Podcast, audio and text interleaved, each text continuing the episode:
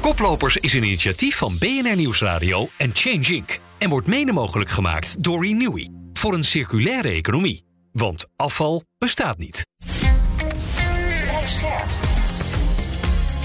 BNR Nieuwsradio. Koplopers. Donatello Piras en Werner Schouten. In je chocoladepasta, ijs en zelfs shampoo. Palmolie is alom aanwezig in de producten die jij koopt in de supermarkt. En toch kost het verbouwen van palmolie ons veel regenwoud en de CO2-uitstoot is ook niet mis. Vandaag in Koplopers alternatieven voor palmolie. In ontzettend veel producten in de supermarkt zit palmolie, in bijna alles. En die palmolie en ook eh, soja, eh, die heeft een enorme impact op mensenrechten en ontbossing. Nou, bovendien is palmolie ook nog eens een keer een heel efficiënt gewas. Dus hè, als, je, als je het hebt over een boycott van palmolie bijvoorbeeld, het beste alternatief voor palmolie is duurzame palmolie. Um, en daarmee kun je palmolie vervangen in allerlei uh, producten, van cosmetica tot voeding. Dit is Koplopers, het programma waarin we met ondernemende wereldverbeteraars sparren over hun duurzame innovaties. Dat doen we samen met Change Inc. Werner Schouten is klimaatexpert en mijn co-host. En zoals altijd bij Koplopers vraag ik, heb jij nog nieuws meegenomen deze week? Zeker, ja, want voordat we het over palmolie gaan hebben, moeten we het hebben over koopkracht. Oh. Althans, als het aan econoom Paul Schindeling ligt. Uh, de focus op koopkrachtgroei is natuurlijk aan zich al vrij archaïs, maar het jaar op jaar streven naar koopkrachtgroei is ook volstrekt strijdig met onze klimaatdoelen. Zo bepleit hij in een recent opiniestuk in het NRC. Want als we door blijven zetten op koopkrachtgroei, zal niet alleen de CO2-uitstoot wereldwijd groeien, maar zal het totale materieel, materiaalverbruik van landen als Nederland de komende 40 jaar met 60% stijgen. En dat is dan weer verbonden met groot energieverbruik, milieuvervuiling en ook veel menselijk leed bij dat materiaalverbruik.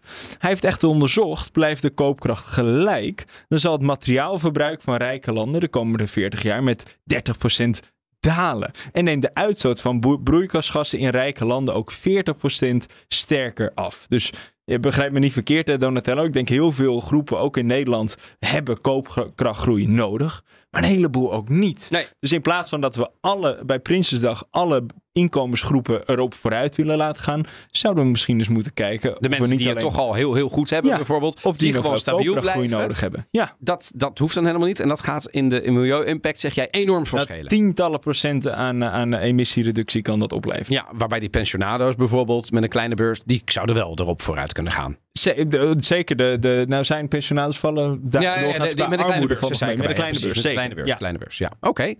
Nou, we gaan het vandaag hebben over palmolie. Onze eerste gast die werkt momenteel hard aan een alternatief voor de vetzuren die gebruikt worden uit diezelfde palmolie. Hij haalde er recent een investering van 11 miljoen mee op en hij is bij ons te gast. Welkom, Nieuws van Stralen van Chaincraft. Dankjewel. Laten we eens beginnen met wat palmolie een mooi product maakt. Waar gebruiken we het nou zoal? Hè? Want we hoorden het net al in, uh, in, de, in het geluidsfragment. In heel veel zit het. Waar zit het zoal in? Ja. Ja, palmolie is in principe een heel mooi product als je kijkt naar de samenstelling ervan. Hè. Er zitten hele waardevolle uh, oliën en ook vetzuren in hè, die uit palmolie gewonnen Waar je dus heel worden. veel mee kunt. Daar kun je heel veel mee. Hè. Dus het wordt toegepast in shampoos. Het wordt toegepast in tal van voedingsmiddelen. Je noemde er al een aantal. Het ja, bedoel, in, in, in koekjes, uh, in, mijn, in een van mijn favorieten, dat zeg ik met het schaamrood op de kaak inmiddels bijna. Maar bedoel, ik ben toch hè, als Italiaanse jongen met Nutella opgegroeid. Oh, ja. En we weten allemaal, daar zit het zeker in. Heel veel in. En, ja, ja dus daar zit het allemaal in. En dat, en dat heeft dus met de samenstelling van de olie te maken. Dat ja. we het zoveel gebruiken. Ja. Exact. De palmolie of palmpitolie ja. uh, bestaat uit een hele range van, van vetzuren of, of oliën. En al die verschillende vetzuren die erin zitten, die kunnen weer in tal van applicaties gebruiken. Maar dat is dus dat is hartstikke positief. Maar tegelijkertijd, dat is de keerzijde van de medaille, het is een onduurzaam product. Absoluut. De, de, de carbon footprint is natuurlijk uh, is heel hoog. Hè? Ook in vergelijking tot de producten die wij maken. En natuurlijk de ontbossing en de, de mensenrechten die Precies, en dat zijn allemaal dingen die we niet meer willen. Nu is een vervanger niets voor niets een vervanger hoe dicht kom je nou in de buurt bij de echte palmolie en de functionaliteiten? Ja, ja wij maken een, een, een, range aan vetzuren die een alternatief vormen voor uh, bepaalde vetzuren die uit palmpitolie komen. Dus de palmpit is de, de binnenste kern van ja. de, de oliepalmvrucht. Um, en die vetzuren die vervangen wij in principe één op één. En uh, dus is identiek dus ook, eigenlijk. is in principe hetzelfde molecuul. En dat molecuul dat kunnen wij dus ook weer inzetten in dezelfde soort toepassingen die nu bediend worden vanuit, uh, vanuit die palmoliewereld. Want hoe maken jullie die, uh, die vetzuren dan? Ja, op een hele andere wijze. Hè. Dus wij gebruiken organische afvalstromen of organische reststromen als grondstof. En organische reststromen, dat is dan afval van de landbouw, uh, Exact. voedselafval. Dat kan vanuit de hele voedselketen komen. Hè. Dus vanuit de primaire agrarische productie tot echt uh, post-consumer waste. Ja, ja, ja. En alles daar, daartussenin kunnen wij in principe verwerken met onze fermentatietechnologie. Waarbij bacteriën dat organische afval uh, converteren naar een vetzuur. Op een hele milde wijze. Hè. Dus met lage energiekosten. Um, en Nou, een heel efficiënt een, proces. Een win-win proces inderdaad. En, En- dan komen dan Ja? eh, vetzuren uit. En die zet je dan weg in, eh, wat is het, schoonmaakmiddelen? die Ja, momenteel is onze eerste toepassing is, uh, is de diervoederindustrie. Uh, dus wij hebben Agrifirm bijvoorbeeld als, uh, als voornaamste klant. Geen, geen Die- kleine. Exact, dat is een grote speler. Ja. Dus zij hebben een dochterbedrijf die, uh, die koopt heel veel uh, stromen uit de palmoliewereld in. Ja. Maar daar willen zij vanaf. Ja, Dus zij hebben want gezegd, zij willen ook verduurzamen. Hè? zij Dus- willen verduurzamen. Dus ze hebben gezegd, oké, dat product van Chaincraft, dat past heel mooi binnen ons flagship product. Wat zij nu in grote hoeveelheden wegzetten in de diervoederindustrie. En dat is wat zij nu aan het doen zijn. Dus zij zijn hun... En dat kunnen ze. En, en- verwacht je dat dat één op één vervangen kan worden? Uh, Dat het allemaal duurzaam kan zijn? In principe kan dat. Het is schaalbaar. Ja, Ja. zeker. Want dan toch de, de belangrijke vraag eh, bij koplopers is: is, er, hè, is het schaalbaar, is er geld mee te verdienen? Maar tegelijkertijd ook welke winst oh, voor, hè, voor, de, voor, de, voor de duurzaamheid, welke milieuwinst levert ehm, dit duurzaam produceren van palmolie dan op? Hè? Ik kan voorstellen dat het gebruiken van wat jij doet, afval, veel meer oplevert. Hè? Dus als we het in de, in de weegschaal doen, Ja, wat is beter?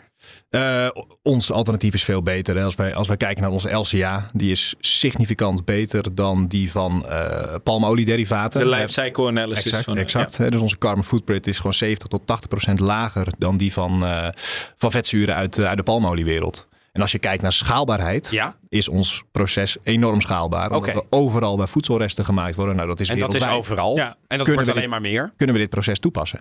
Maar dat, dat, dat, dat- dat- er zijn natuurlijk veel voedselresten, maar dat willen we natuurlijk eigenlijk, eh, eigenlijk reduceren. En nou Zeker. is jullie eh, oplossing daar natuurlijk een oplossing voor, maar kan dat ook voor opdroging van jullie inputstromen eh, vormen? Nou, ik, ik, ben het helemaal met je eens dat preventie van, eh, van, van food waste, hè, van Ja. voedselresten, is het, is het allerbelangrijkste. Maar voedselresten zullen er altijd zijn. Hè. We eten niet altijd ons bord leeg. In de, hè, in de in schillen en zo. Exact, in de Ja. food processing industry heb je natuurlijk enorme hoeveelheden zelfverzekerde grijns op je gezicht. Nee, dus dat is zullen er altijd blijven. En, en het is zaak om die zo hoogwaardig mogelijk in te zetten. hè. Tegenwoordig worden die vaak vergist tot, tot energie. Precies. Daarmee degradeer je in principe de mooie moleculen die in die eh, reststromen zitten. En wij brengen die, wij upcyclen die echt naar een molecuul wat een veel hogere waarde heeft. En dus weer toegepast kan worden in allerlei mooie applicaties. Oh, maar dit is wel belangrijk wat je zegt. Want we hebben ook vaker mensen hier in de studio die zeggen: Oh, nou, we moeten biogas gaan maken. En dat is, daar kan je dus vergisten en dan kan je biogas van maken. Dat is heel goed. Kunnen we duurzaam ons huis verwarmen? Je zegt eigenlijk dat is een hele laagwaardige oplossing van onze eh, reststroom. Ja, nou met de huidige hoge energieprijs is het, eh, hè, is het economisch wel in- interessant. Maar goed, dat Ja. is denk ik tijdelijk. Ehm, in principe, eh, als je naar de duurzaamheidsladder kijkt, dan staat de, er staan applicaties als, als diervoeding, voeding en, en allerlei chemie en materialen staan hoger dan energie. Hè, dus vanuit dat oogpunt moet je hem zo hoog mogelijk insteken. En dat is wat we doen. Ja, als we dan even gaan kijken naar eh, puur eventjes hè, eh, de, de, de, de, de, de, de manier waarop het gebeurt achter de schermen. Wat komt daar binnen? Welke voedingsproducten komen er binnen? En, en wat verdwijnt er dan uiteindelijk?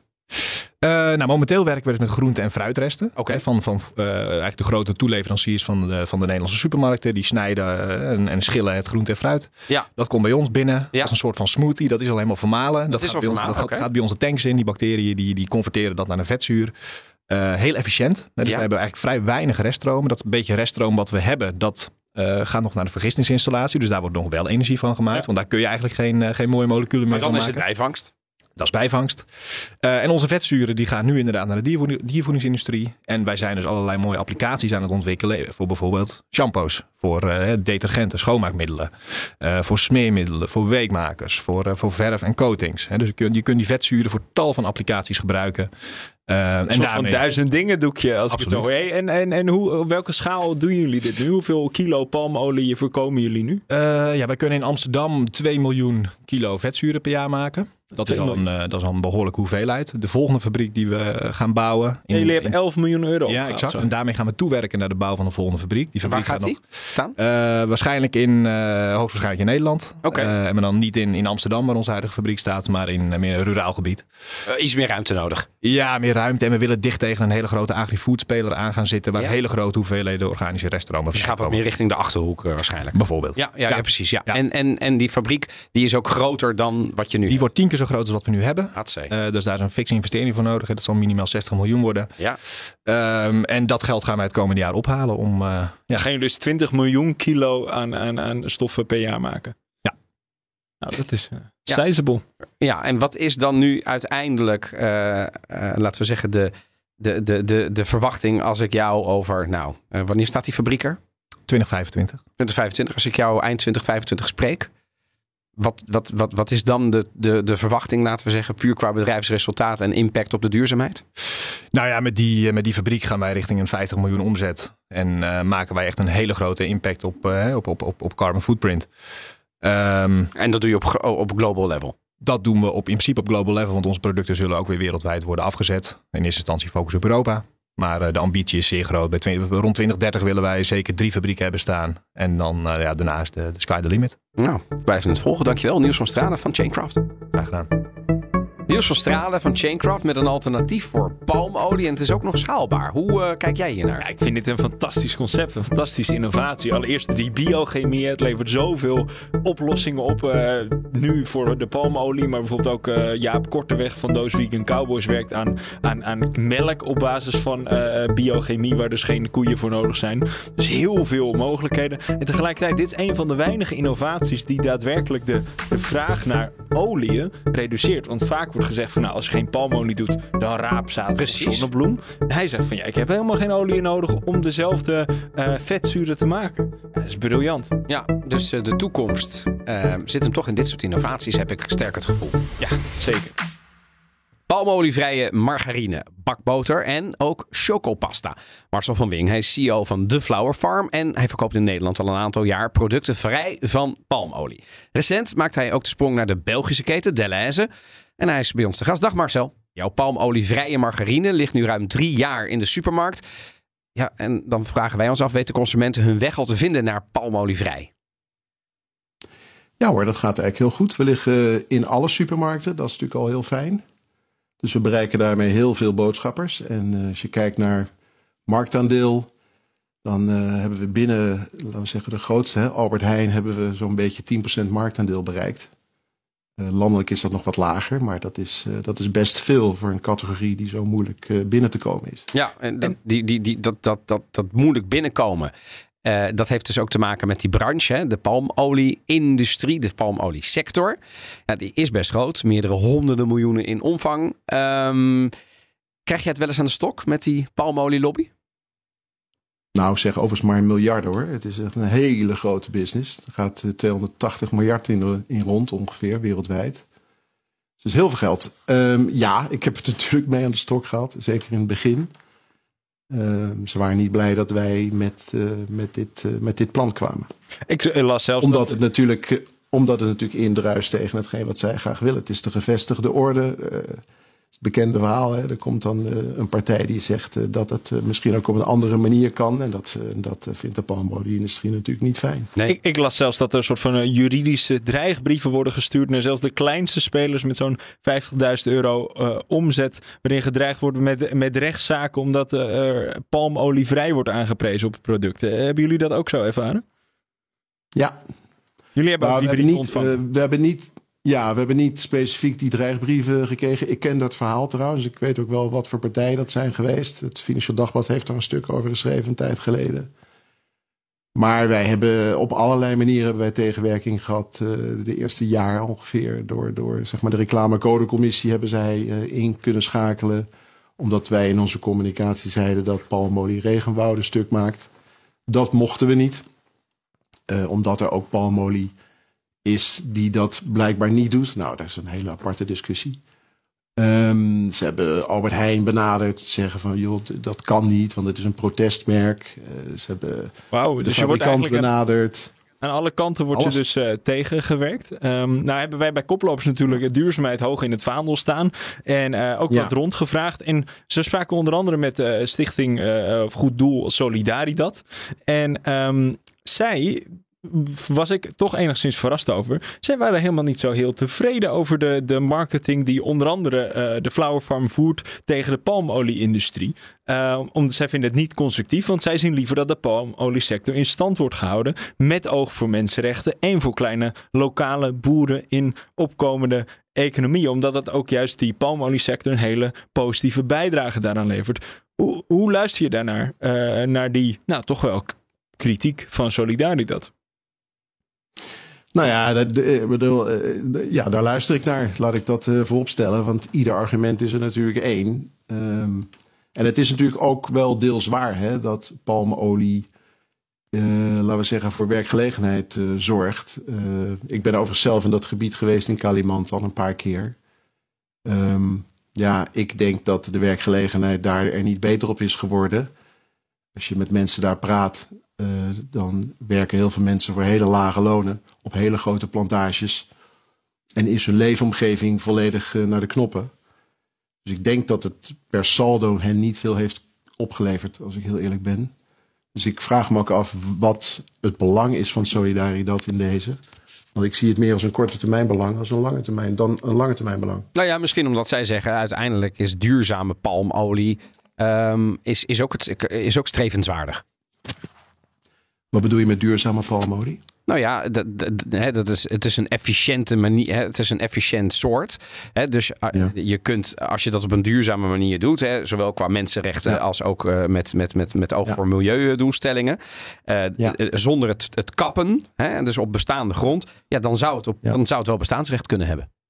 Nou, maar dat ben ik ook volstrekt eens. Uh, het is alleen zo dat de bestaande grond, ik ga dan meer over zeg maar, het effect op de regenwouden. Ja. Uh, en um, ik heb het nog niet gezien dat uh, palmolie op bestaande grond uh, verbouwd wordt. Ik heb wel eens tegen ze gezegd: wat zou het geweldig zijn als je een palmolieplantage zou kunnen maken in de woestijn?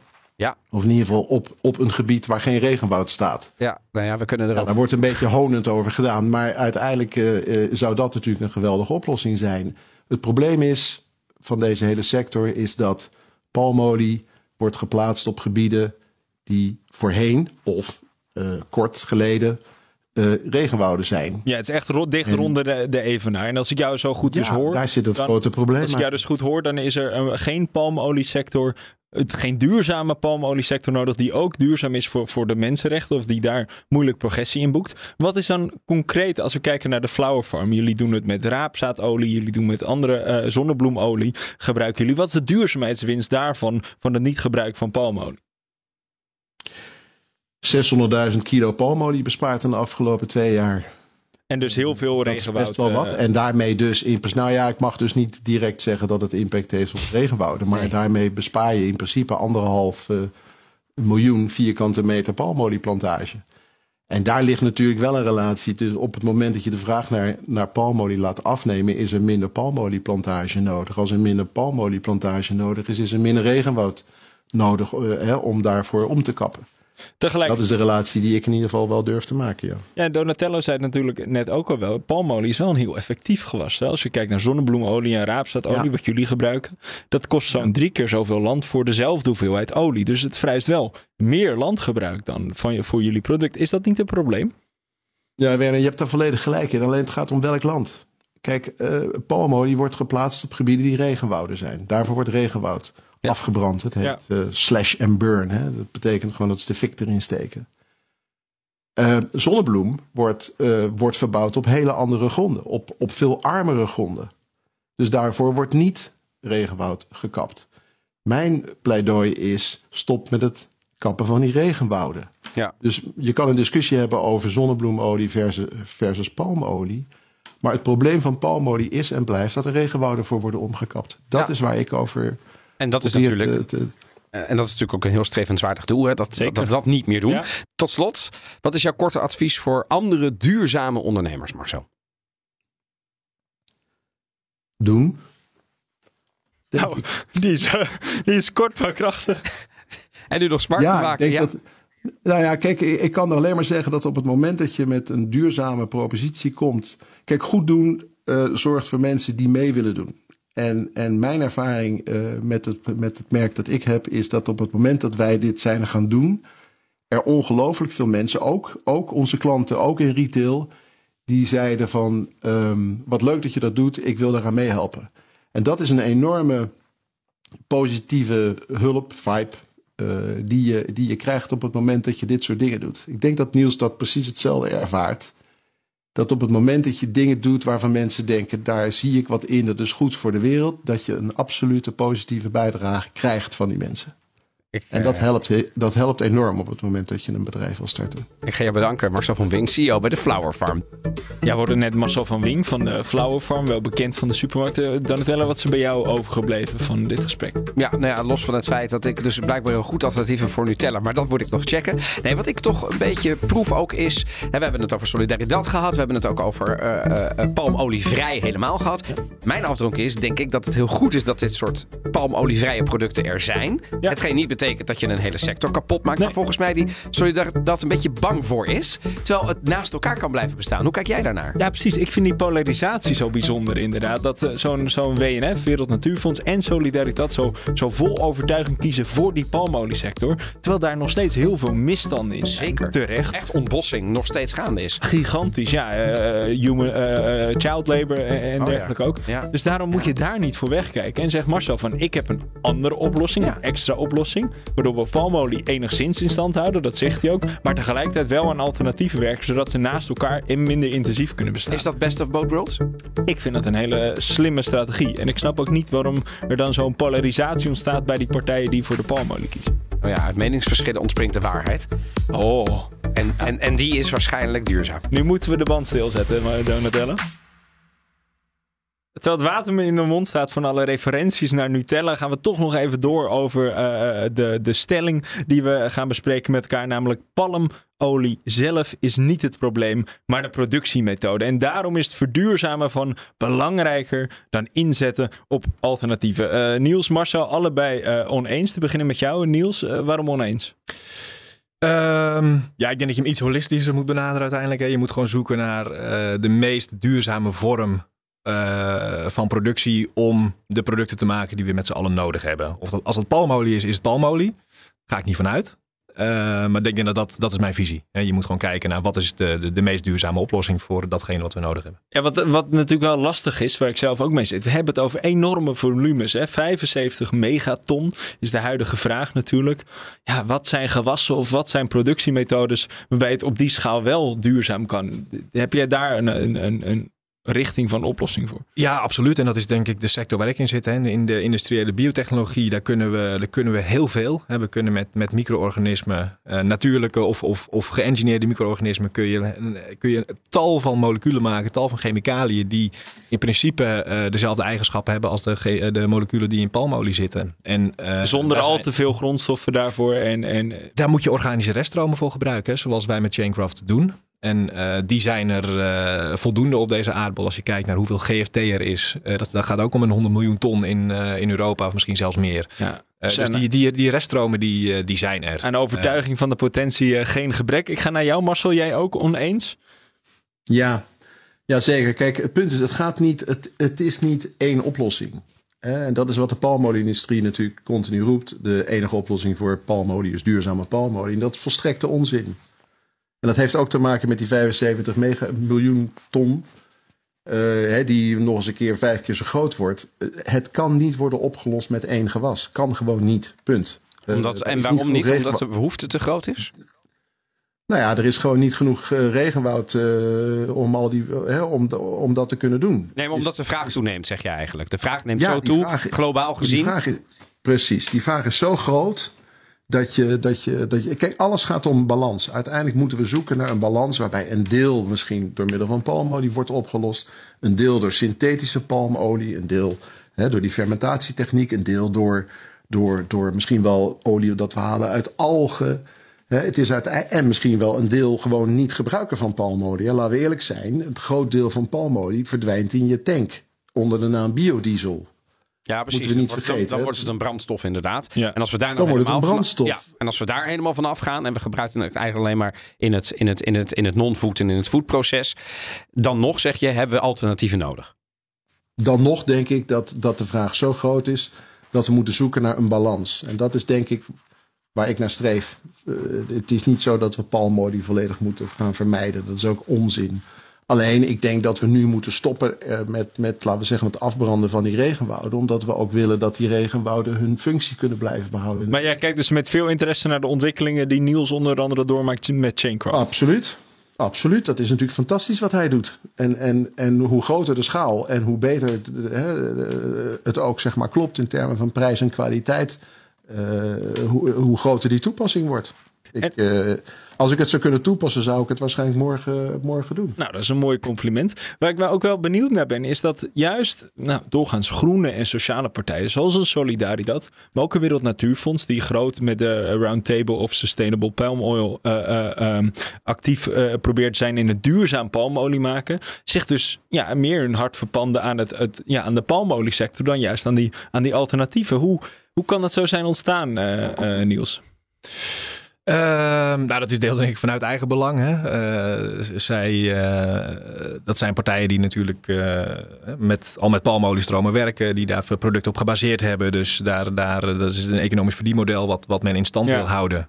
Ehm, dus ik denk dat dat met name daarvan naar. Maar zo'n NGO heeft dat belang dan weer niet. Hè? Bedoel, die hebben, niet, die hebben Nee. geen be- be- be- behoefte aan een productieketen, precies. Nee, dat, daar heb je een goed punt. Maar er gaat natuurlijk wel geld van zulke bedrijven ook naar zo'n NGO eh, mogelijk om support, om zoiets in eh, zo'n certificaat in stand te houden. Zeg jij nou dat zo'n NGO is gekocht door het bedrijfsleven, eh, Werner? Nee, er, er wordt natuurlijk betaald voor inderdaad zo'n roundtable voor sustainable Oh, dat, ja, ja, ja, zeg maar, zeker. Partijen Ja. als Nestlé zijn betalend lid daarvoor. Zeker. Dat is natuurlijk ook een verdienmodel. Ja. Eh, maar je, de- Ja. je denkt dus dat die NGO's dus een beetje te veel in oor te luisteren leggen bij de palmolie-industrie. Ehm, ja, ik heb hier zelf nooit met NGO's over gesproken. Maar kijk, als, als eh, hard gemaakt kan worden dat, dat palmolie echt duurzaam geproduceerd kan worden. Kijk, dat, dan, dan, dan zit er een verhaal achter. Hè? Als je dat kunt, eh, kunt bewijzen met Ja. een levenscyclusanalyse of iets, of iets dergelijks. En je kunt bewijzen dat mensenrechten niet geschonden worden. Kijk, dan heb ik er ook niet zoveel moeite mee. Nee, maar dat Eh, maar het, ontbreekt voor het overgrote deel is dat niet het geval. Hè? Helder. En ik heb het idee dat af en toe misschien een over beetje... Zeker Marcel? Kijk, BNF is een van de mede, hoe noem je dat, oprichters van de Roundtable of Sustainable Palm Oil. Eh, toen het in 2005 startte, toen had, toen, toen had de club, zeg maar, eh, ook een geloofwaardigheid nodig. En daar hebben ze WNF voor gevraagd. En laat wil ik zijn, als je kijkt naar de beginselen van, eh, van zeg maar, dat hele plan, klopt het wel. Alleen het is niet uitvoerbaar, dat is het probleem. Eh, die discussie hoeven we nu niet helemaal aan te gaan. Maar WNF is, is de medeoprichter geweest van dit hele verhaal. En, en heeft daardoor dus eigenlijk altijd positief erin gestaan. Overigens, zijn, zo positief zijn ze niet meer. Hè? Want als je nu kijkt naar hoe zij erin staan. dan lees je toch wel dat ze ook ontzettend kritisch zijn op, die, eh, op de club. En met name de manier waarop ze zeg maar, de, de bol zeg maar, handhaven. Ehm Solidaridad vind ik persoonlijk een onbegrijpelijke keuze. Omdat ik niet zie op welke wijze RSPO bijdraagt aan eh, op langere termijn, eh, laten we zeggen, eh, een beter leven voor mensen. Maar misschien heb ik een ander beeld over wat een beter leven is. Ja. Dus Kortom, als we die Ehm. stelling eh, samen gaan vatten, palmolie zelf is niet het probleem, maar de productiemethode. En daarom is het verduurzamen van belangrijker dan inzet op die alternatieven. Beide oneens. En met name als ik het heb, eh, eh, gaat het echt over het tweede gedeelte, namelijk het verduurzamen ervan is niet belangrijker dan het inzetten op alternatieven. Jullie zeggen eigenlijk allebei, Marcel en Niels, nee nee, en en. Je, tuurlijk, duurzame palmolie, daar, daar komen we ook niet aan. Hè? Dat is fijn dat ze dat doen. Maar die alternatieven zijn belangrijk om uiteindelijk sustainable te zijn. Absoluut, helemaal mee eens. Zouden we, ik, ik zit nog wel van hoe kan je, kunnen we nou de vraag naar die, die vetzuren die we uit palmolie halen, kunnen we die ook niet op een manier verlagen? We vinden het belangrijk dat het, onze, onze zeep schuimt volgens mij, of dat ons, ons wasmiddel goed was. Hebben we die vetzuren überhaupt nodig? Ja, de eigenschappen van die, eh, van die vetzuren zijn dusdanig dat je eigenlijk geen, geen beter alternatief hebt. Hmm. Ehm, dus die, die vraag zal er blijven. Maar je, die kun je dus bedienen vanuit andere productieroutes. Ook op een kosten, kostencompetitieve manier, zoals wij doen. Kijk, kostencompetitief, dat is dan weer belangrijk voor de opschaling. Misschien nog één laatste Ja, ja, vraag, zeker. gewoon puur uit eigen belang. Eh, eh, eh, Marcel, ik vraag me af, ik ben groot pindakaasfanaat. Zit soms ook nog wel eens palmolie in. Komt er een Flower Farm pindakaas variant? Ja, misschien wel. Dat, uh, dat weet dat, ja. Als dat zo zou zijn, zou ik het nu natuurlijk ook niet zeggen. Nou, je hebt al uh, één afnemer. Maar laat ik je, dat kan ik je garanderen als je het in de schappen legt. Nou, dat vind ik ontzettend fijn. Kijk, maar als je kijkt naar, naar de, naar de pindakaascategorie, is natuurlijk een heel groot deel al palmolievrij, hè? Dat klopt. Ja, uh, alleen de, de, de, echte smeugen, de smeugen merken bevatten palmolie, omdat palmolie dat nou eenmaal smeuig maakt. En als je het niet erg vindt om een laagje olie op je palmolie of op je palmolie op je pindakaas te hebben liggen, dan kun je gewoon prima weg met uh, wat er op dit moment wordt aangeboden zonder palmolie. En dan, dus... en, dan, en dan, ga ik ook nog één ding rechtzetten. Helemaal aan het eind. Ja. We hebben het natuurlijk over Nutella en iedereen heeft het over chocopasta. Maar ja. we wel even zeggen dat het hazelnootpasta is. En de flauwe vorm begrijpt het, want jullie hebben het over hazelnootpasta. En die is palmolievrij, toch? Zo is het. En uh, ja, dat hebben wij onlangs, uh, wat is het, drie maanden geleden kunnen, kunnen lanceren. Was nog niet zo makkelijk trouwens hoor. Maar, nee. uh, en ik, en dat ik, was, klopt. En ik heb hem nog niet geproefd, maar daar gaat vandaag oh. verandering in komen, Marcel. Ik, ga nou, jullie, uh, zeg ik dan maar. ik ga jullie bedanken. Niels van Stralen van Chaincraft en Marcel van Wingen, CEO bij de Flower Farm. Dank voor jullie komst. Dankjewel. En vond je deze aflevering nou smakelijk? Geef ons dan ook vijf sterren in de podcast. Inderdaad. En dank voor het luisteren naar deze podcast. En uh, wij zijn er natuurlijk volgende week weer vanaf half vier in je favoriete podcast app. Helemaal gratis. Blijf luisteren.